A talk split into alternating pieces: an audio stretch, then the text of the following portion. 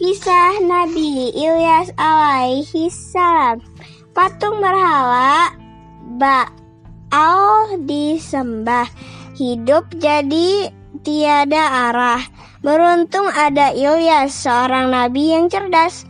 Tapi dasar orang kafir, kebenaran kebenaran membuat mereka tersindir.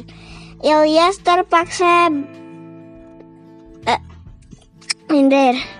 Rencana jahat dibuat. Ilyas terpaksa pindah tempat. Beruntung beliau bertemu pemuda yang kelak menjadi saudara berdua. Beru, berjuang di jalan Allah seperti yang dilakukan Rasulullah.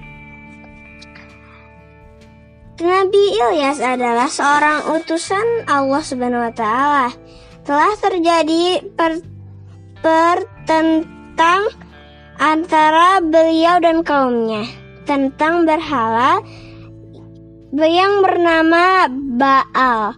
Nabi Ilyas menyeru di jalan Allah dan mengajak kaumnya, tetapi mereka cenderung mengabaikannya. Dan sungguh Ilyas termasuk salah satu salah orang dari para rasul. Ingatlah ketika ia berkata kepada kaumnya, "Mengapa kamu tidak bertakwa?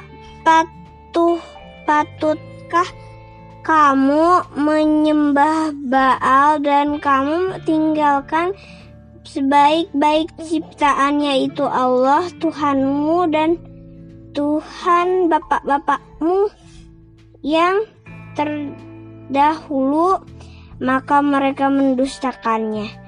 Karena itu, mereka akan diseret ke neraka, kecuali hamba-hamba Allah yang dibersihkan dari dosa.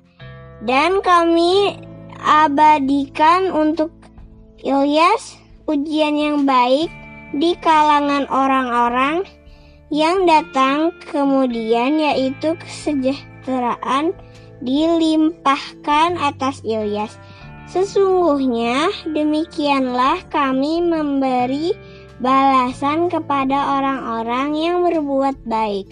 Sesungguhnya dia termasuk hamba-hamba kami yang di yang beriman. Quran surat Al Syafat Asofat ayat 123 sur hingga 132